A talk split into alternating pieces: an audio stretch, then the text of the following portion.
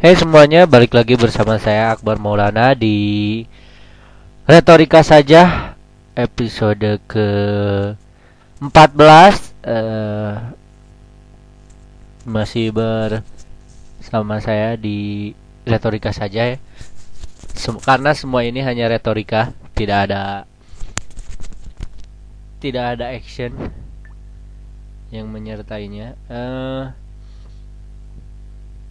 dan retori- retorika kali ini saya akan membahas mengenai ah enggak lah enggak enggak langsung ke topik ya.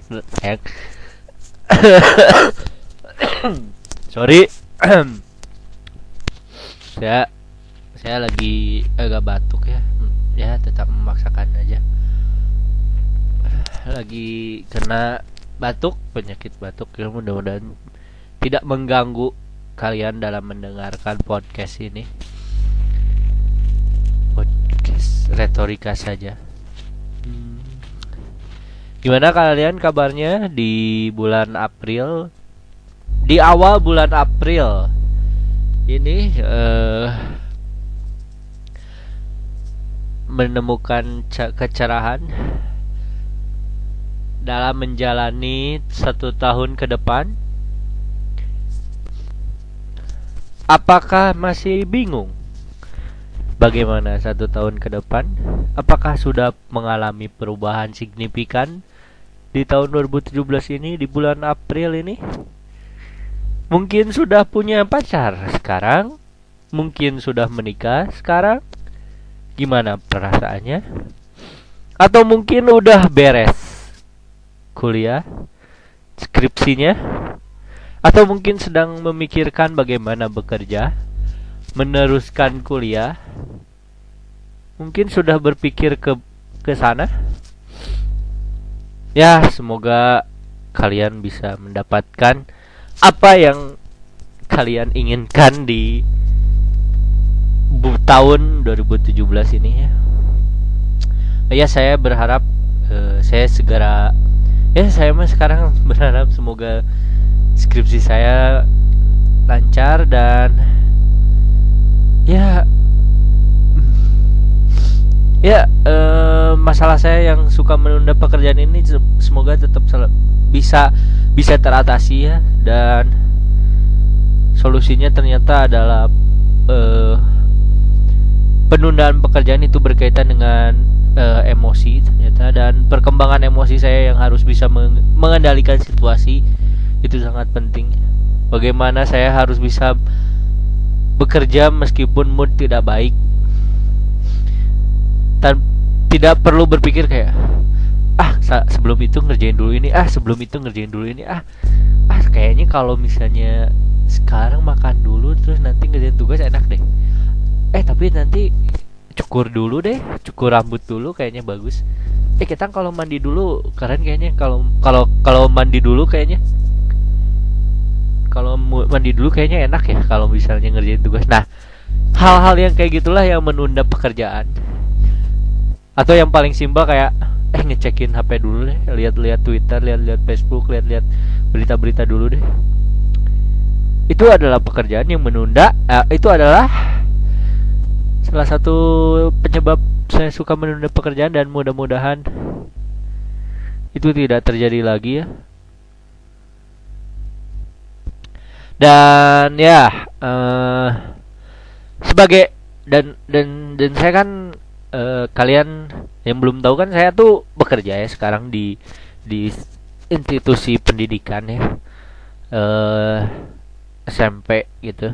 Dan saya tuh suka mengamati gitu ya eh bagaimana perilaku siswa gitu siswa SMP terutama ya dan saya baru menyadari bahwa ternyata saya tuh ing- saya itu ingin mengatakan begini. Apakah benar ya sis siswa SMP itu layak mendapatkan kemerdekaannya gitu?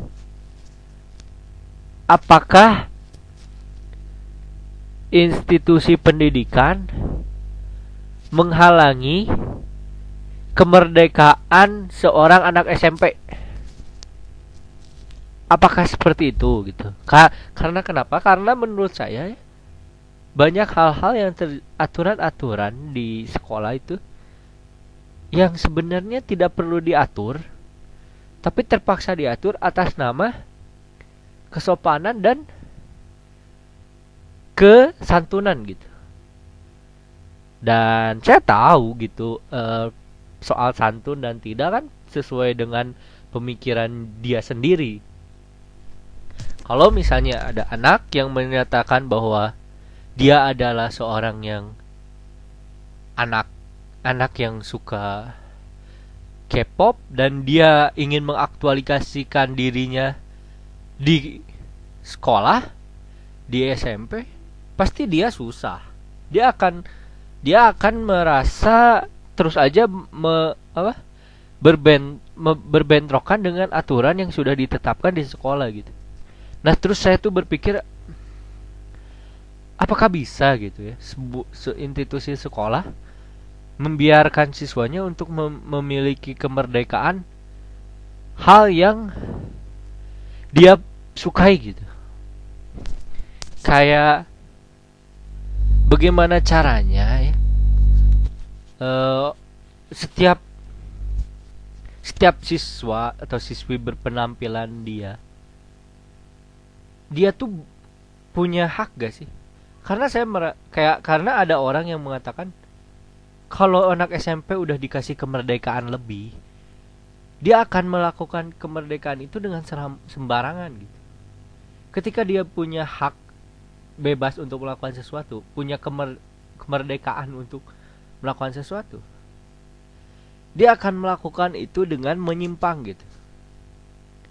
Nah, apakah umur S siswa SMP secara psikologis tuh sudah sudah cukup mampu untuk menentukan bahwa dia ini baik, ini baik, ini buruk gitu.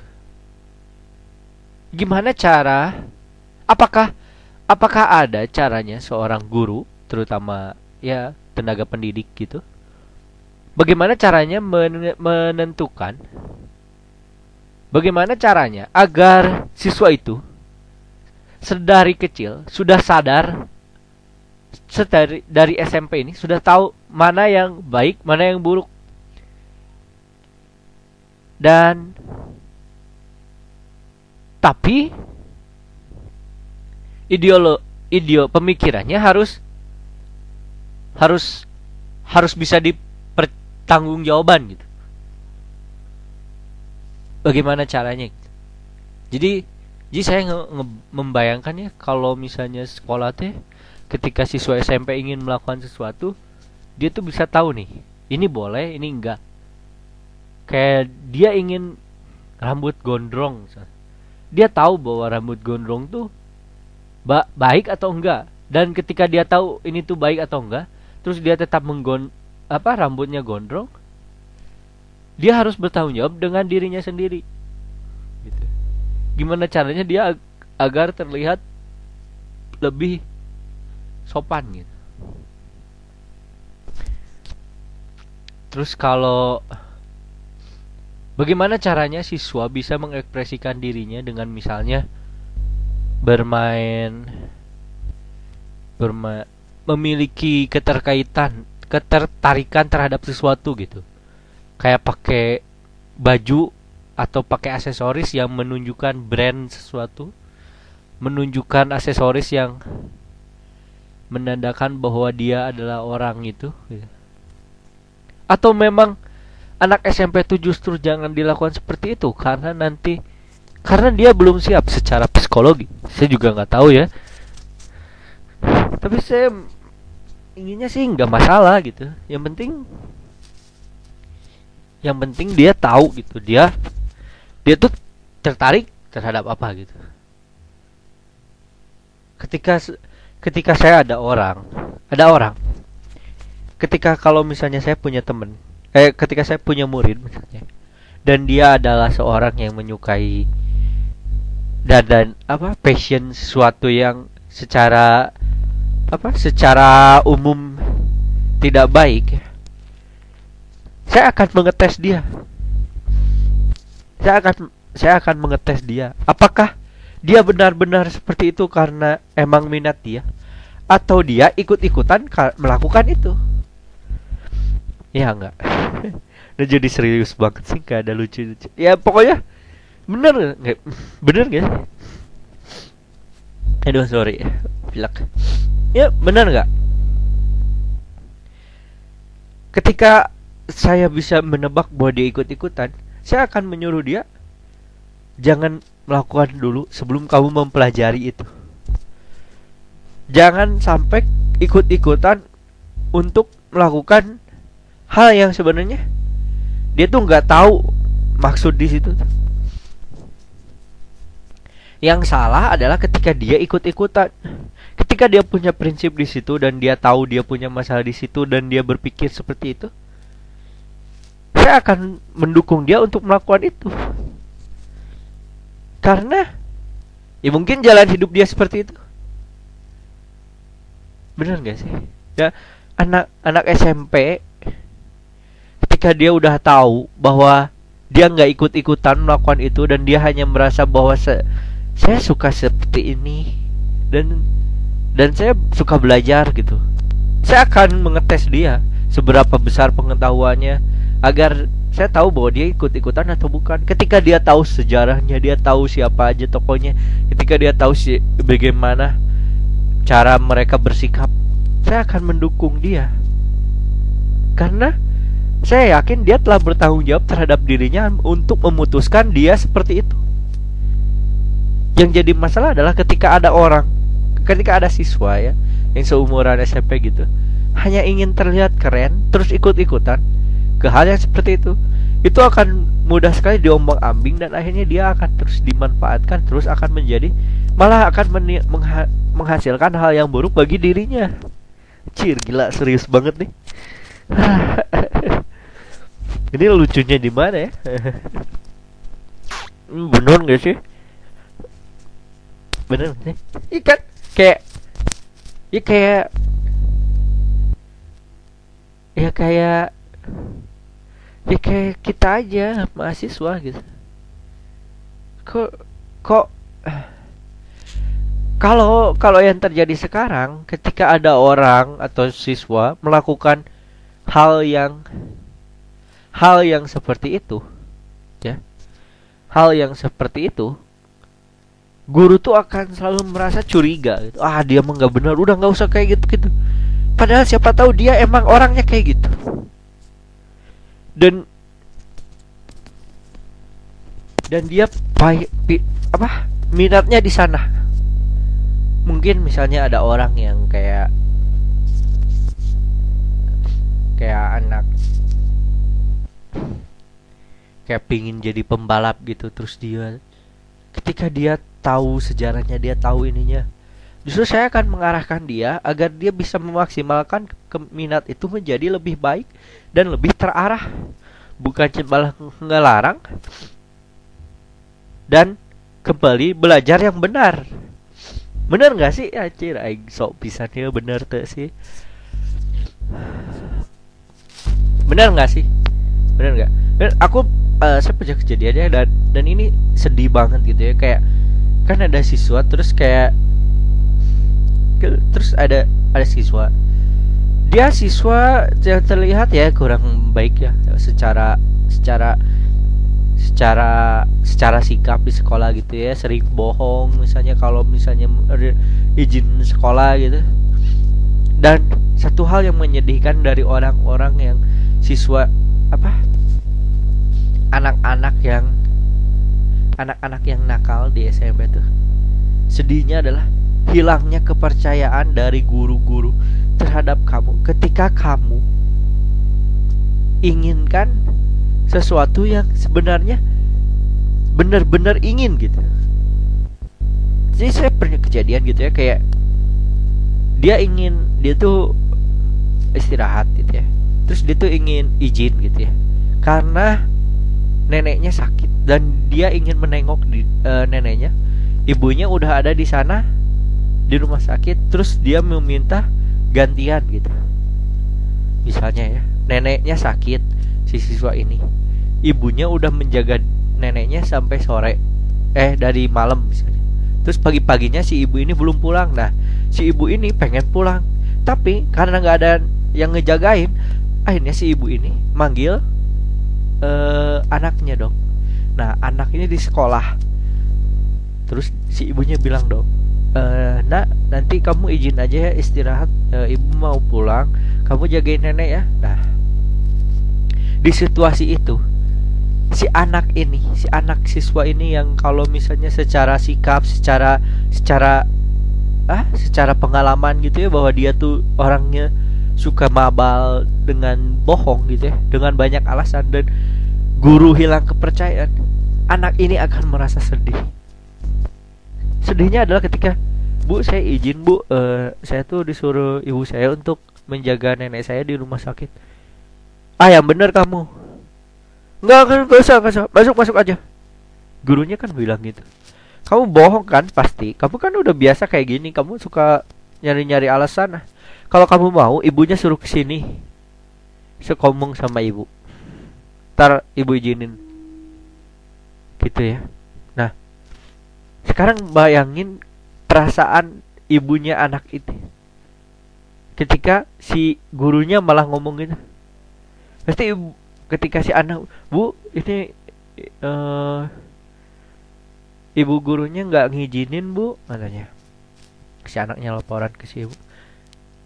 Karena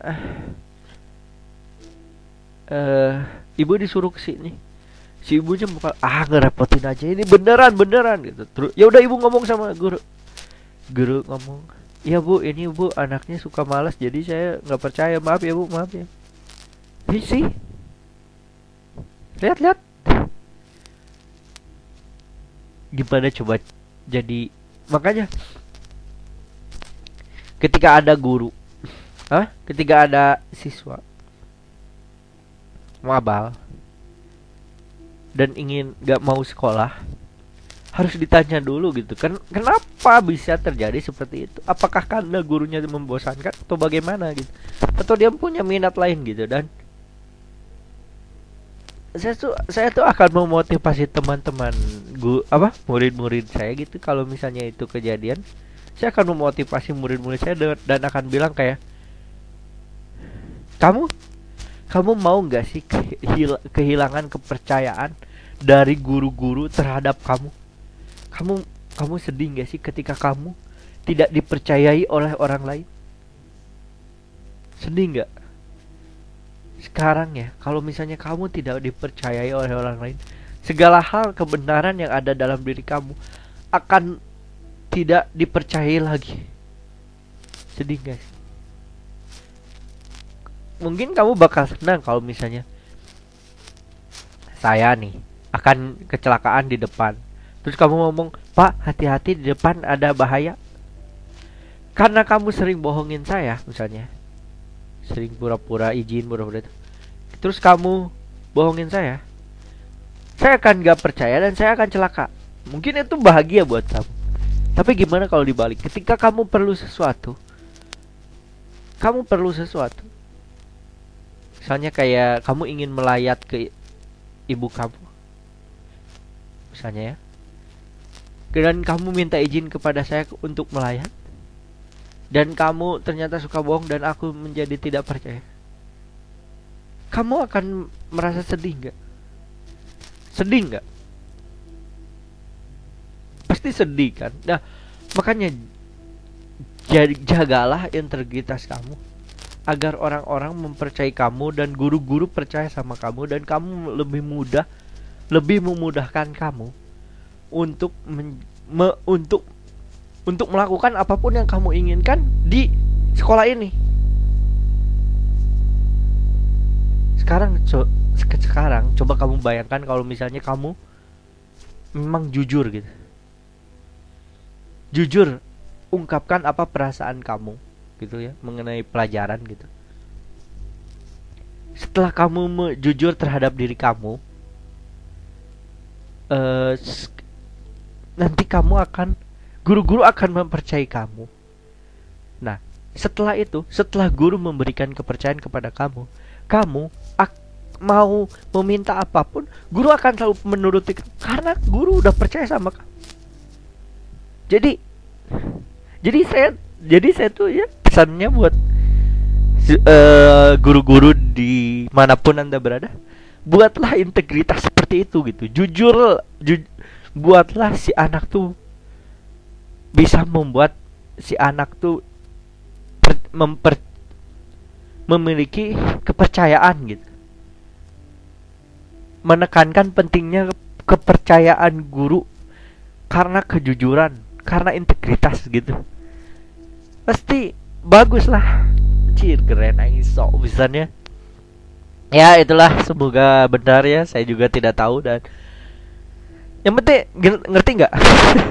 Ya ya pokoknya ya pokoknya gitulah e, soal siswa SMP dan bagaimana guru menyingkapinya ya. Ya mudah-mudahan ada ada ininya lah. Ada ada ke ininya ya gitu ya.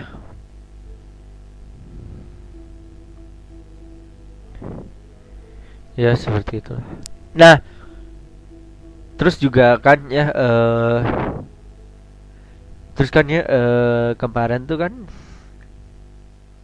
uh,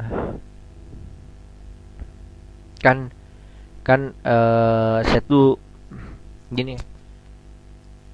Kan sempat ngobrolnya dan saya tuh menyadari gitu ya da, di lingkungan saya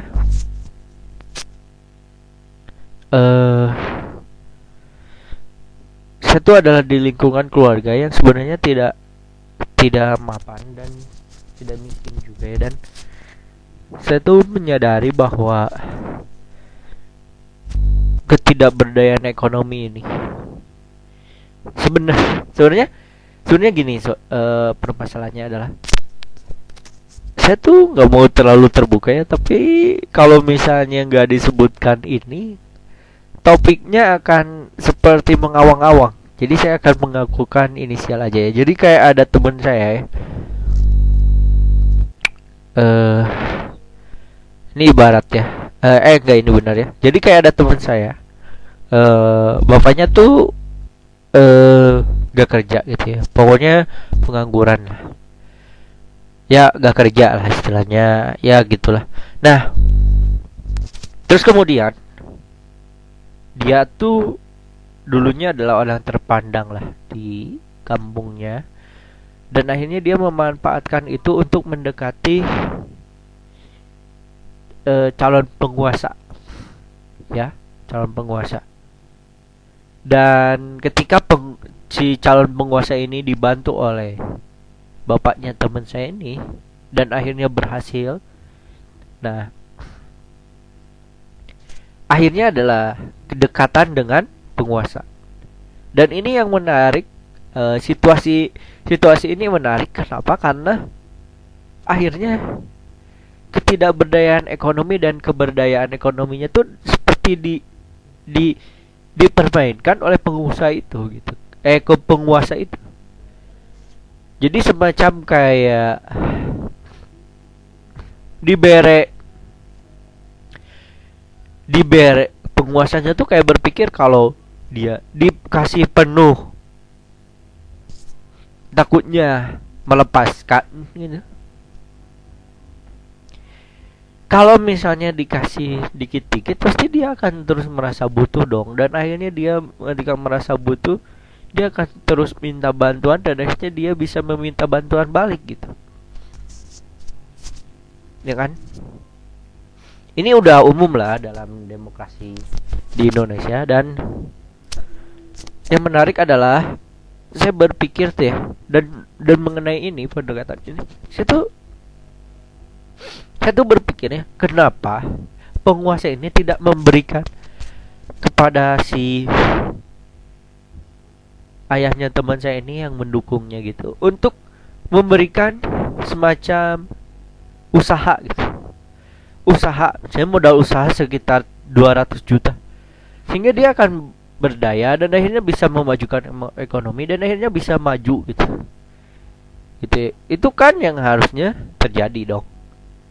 Karena kalau misalnya dia maju dia akan terus aja berusaha kan. Tapi ini tidak jadi yang dilakukan penguasa itu hanya mem, me, hanya men, mem, me, apa, membantu dia ketika dia butuh doang. Butuhnya itu hal-hal yang mendesak seperti bayar sekolah anak dan biaya oh iya iya bayar sekolah anak gitu. Jadi si ayahnya teman saya ini tidak berupaya untuk menuntut lebih dan akhirnya dia bisa mandiri gitu. Dan dengan mem, mem, apa, meminta modal usaha dan akhirnya dia bisa usaha gitu. Enggak. Hanya seperti itu. Terus kan saya merasa aneh dong. Kenapa dia melakukan seperti itu? Dan akhirnya saya sadar setelah anak-anaknya bisa bekerja di pemerintah. Anaknya bisa bekerja di bagian pemerintah daerah. Karena di, dibantu oleh kedekatan dengan penguasa tadi gitu. Dan kemudian berpikir ini lebih long, long lasting daripada peng, dikasih modal usaha. Karena kalau dikasih modal usaha kalau si ayah ini tidak bisa memodal usaha tidak bisa memberdayakan usahanya maka segala modal 30 juta misalnya yang modal usaha yang dikasih akan menjadi percuma karena tidak memberdayakan dia secara ekonomi dan akhirnya tidak tidak long lasting gitu. Tidak tidak tidak ada jaminan masa depan. Tapi ketika si an, ternyata anaknya si yang punya kedekatan dengan pengusaha itu bekerja di sana itu akan lebih mudah ke depannya. Akan ada jaminan hari tua dan sebagainya. Nah dari hasil bekerja itulah baru dia membelikan usaha. Baru dia berusaha masuk ke UMKM. Nah, di situ lebih mudah lagi pengawasannya dan akhirnya di situlah mungkin uh, gunanya uh, ketidakberdayaan yang dilakukan oleh ayah teman saya tadi selama bertahun-tahun agar ini gitu terjadi gitu. dan dan emang benar dan saya juga nggak tahu ya ini tuh sebuah sebuah uh, apa sistem yang baik atau buruk tapi uh, tapi yang penting teman saya bisa bisa punya masa depan yang yang cerah dong. Bener gak tapi kalau misalnya sistemnya gak gini ya susah juga sih gimana caranya? Dan dan saya oh iya juga ya, ya ben, bener gitu. Dan dan emang bener. Memang memang harus seperti itu. Ya. Ya seperti itulah. Oh, maaf ya topiknya tuh loncat-loncat karena memang saya tuh nggak biasa nggak suka nggak nggak tahu gimana caranya bridging gitu. Dan nah nah dan dan ngomongin soal misalnya ya pilkada dan itu ya. Dan saya tuh juga punya concern gitu soal politik dan bagaimana uh, intrik-intrik yang terjadi. Dan saya suka berkomentar ya. Dan saya suka update status mengenai politik. Dan saya juga berpikir bahwa saya tidak terlalu fanatik terhadap sesuatu. Dan saya harus bisa menegaskan bahwa politik itu harus dengan akal sehat gitu. Dan dan ternyata tidak saya aja yang politik dengan akal sehat gitu. Ada beberapa orang yang berpolitik entah bagaimana caranya e, percaya terhadap orang-orang yang yang secara reputasi dan media yang secara reputasi kurang bagus gitu. Aneh. Nah, temen Nah, ja, nah masalahnya ada saya tuh selalu gatel untuk mengomentari itu gitu. Akhirnya apa? Akhirnya debat panjang yang sebenarnya nggak perlu gitu. Karena saya nggak menghasilkan uang dengan ngomong seperti ini. Dia juga tidak menghasilkan uang dengan ngomong seperti itu. Jadi saya, saya ingat gitu ya dulu waktu zaman pilpres pemilihan presiden gitu ya dan tuh punya temen SMK dan dia juga sum, su, uh, sama kon, punya concern politik dan dan dia dan kalian tahu kan bahwa di situ adalah apa Jokowi JK dan Prabowo Subianto Hatta Rajasa dan dan kalian tahu uh, nah uh, masalahnya adalah saya pendukung Jokowi dan saya tidak terlalu suka SBY. Dia pendukung Prabowo dan tidak terlalu suka Megawati. Which is dia suka Prabowo. Nah, eh SBY SBY gitu ya. Nah, saya saya biasa aja gitu ya. Gua, gua apa uh, saya nge-share hal-hal yang saya percaya. Saya nge-share tapi dia selalu mengesan dari orang-orang ya atau media yang secara reputasi kurang baik gitu. Dan saya tuh selalu gatel gitu ya bikin komentar dan akhirnya debat-debat kusir gitu. Dan dan dan hal yang unik adalah terjadi adalah ketika teman saya satu lagi dia telah menjadi buzzer politik. Dia pun dia bekerja di sebuah firma firma ya semacam usaha kampanye gitu. Jadi semacam firma kampanye. Jadi dia dia bekerjanya seperti apa? Dia nge-tweet dia retweet dia menjadi admin dari sebuah uh, dari sebuah relawan dari sebuah organisasi relawan milik Luhut. Ah saya nggak mau disebut nggak jadi. Bukan. Dari seorang calon apa?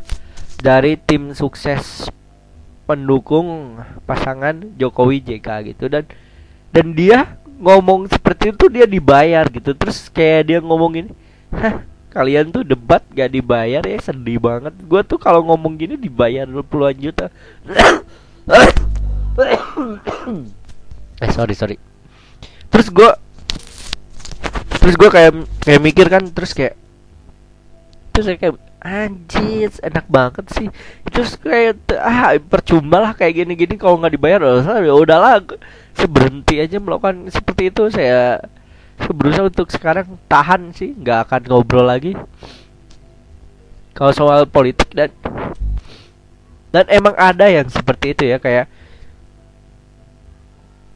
ada orang-orang di media media sosial dan di media sosial tuh orang-orang yang bekerja dengan mengetweet gitu. Jadi dia kayak ada tim gitu, dia tuh kerjanya mengetweet, ngetweet hal-hal yang menarik me, apa mengangkat isu-isu yang yang sebenarnya diragukan kebenarannya gitu agar agar membuat sebuah opini di masyarakat dan akhirnya dia mendapatkan uang dari situ gitu jadi ada semacam kayak usaha apa ya? Semacam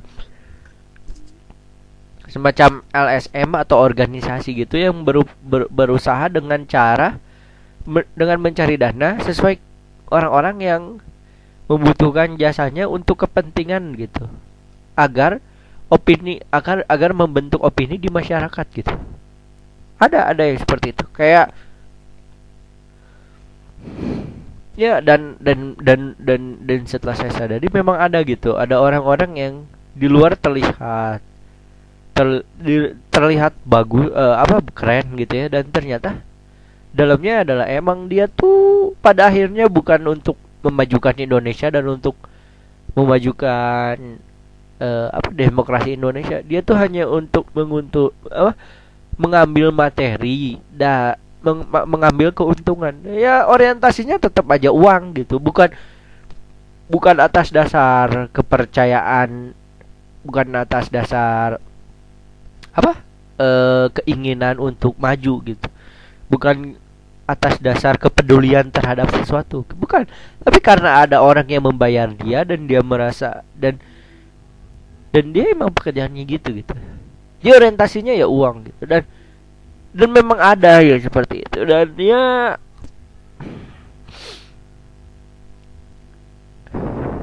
dan setelah saya sadar itu terus saya saya jadi takut uh, dan saya justru akan menghindar kalau misalnya saya berdebat kusir tentang sesuatu. Kenapa? Karena kalau misalnya saya berdebat kusir ah berdebat gitu saya do, jadi ber, ber, berpikir gitu kalau kalau saya ikut gabung di aliansi buzzer buzzer itu mungkin saya dapat uang dengan berdebat seperti ini. Tapi saya toh tidak dapat uang hanya nambah emosi hanya merusak pertemanan. Jadi ya sudahlah gak usah dibahas lagi ya. So uh, hanya merugikan aja nggak dapat ilmu nggak dapat apa gitu. Susah susah men uh, ngerubah ngerubah karakter pandangan orang tuh susah dan dan ketika orang berprinsip seperti itu dan menerima per, apa informasi seperti itu susah merubahnya susah apalagi dalam konsep politik yang secara secara teori kan abu-abu gitu nggak ada nggak ilmu pasti semacam at satu tambah satu sama dengan dua gitu Iya kan? Ya, ya, ya. Lucu gak? Gak, gak, gak lucu. uh, sebenarnya uh, ini tuh usaha saya juga salah satunya untuk berusaha berkomedi gitu. Tapi ternyata berkomedi itu tidak semudah itu dan meskipun saya selalu melihat orang-orang melakukan stand up comedy dan terkesan mudah ternyata membuat materi itu materi materi stand up comedy itu nggak cukup dengan duduk satu kali gitu. Setidaknya harus seminggu gitu tetap aja dicatat premisnya. Karena punchline itu ternyata nggak bisa ditemukan dengan dengan seperti kita ngobrol sekarang gitu.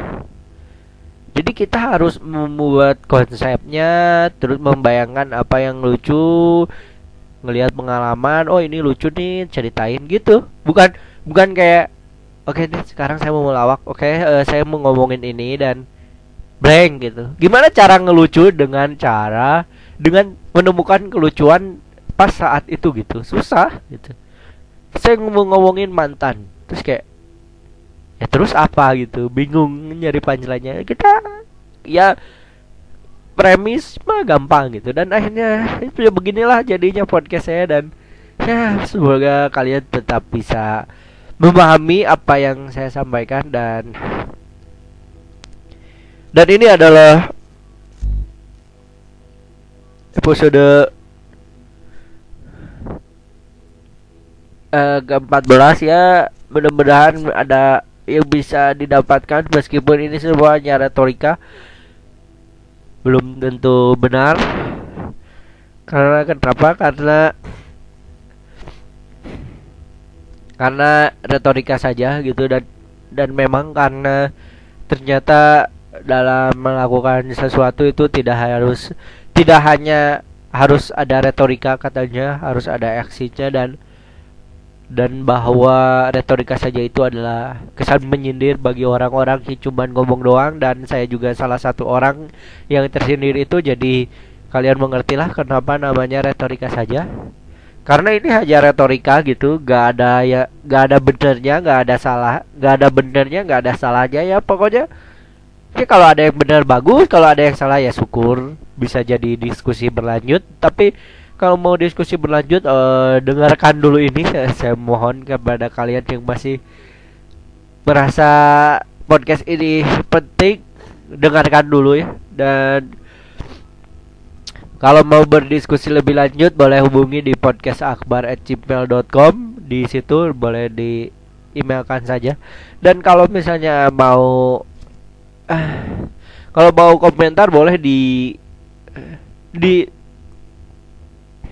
di link yang saya share. Biasanya saya mem membagikan podcast ini mempostingnya di YouTube, tapi saya membagikannya di Twitter dan di Facebook. Nah, setiap saya nge-share itulah coba aja komentar di situ. Nanti saya bisa berdiskusi lebih lanjut mengenai itu dan mudah-mudahan kita semua bisa seperti yang apa sih ngomongnya ya udahlah sampai ketemu lagi dah uh, masih di retorika saja karena semua ini hanya retorika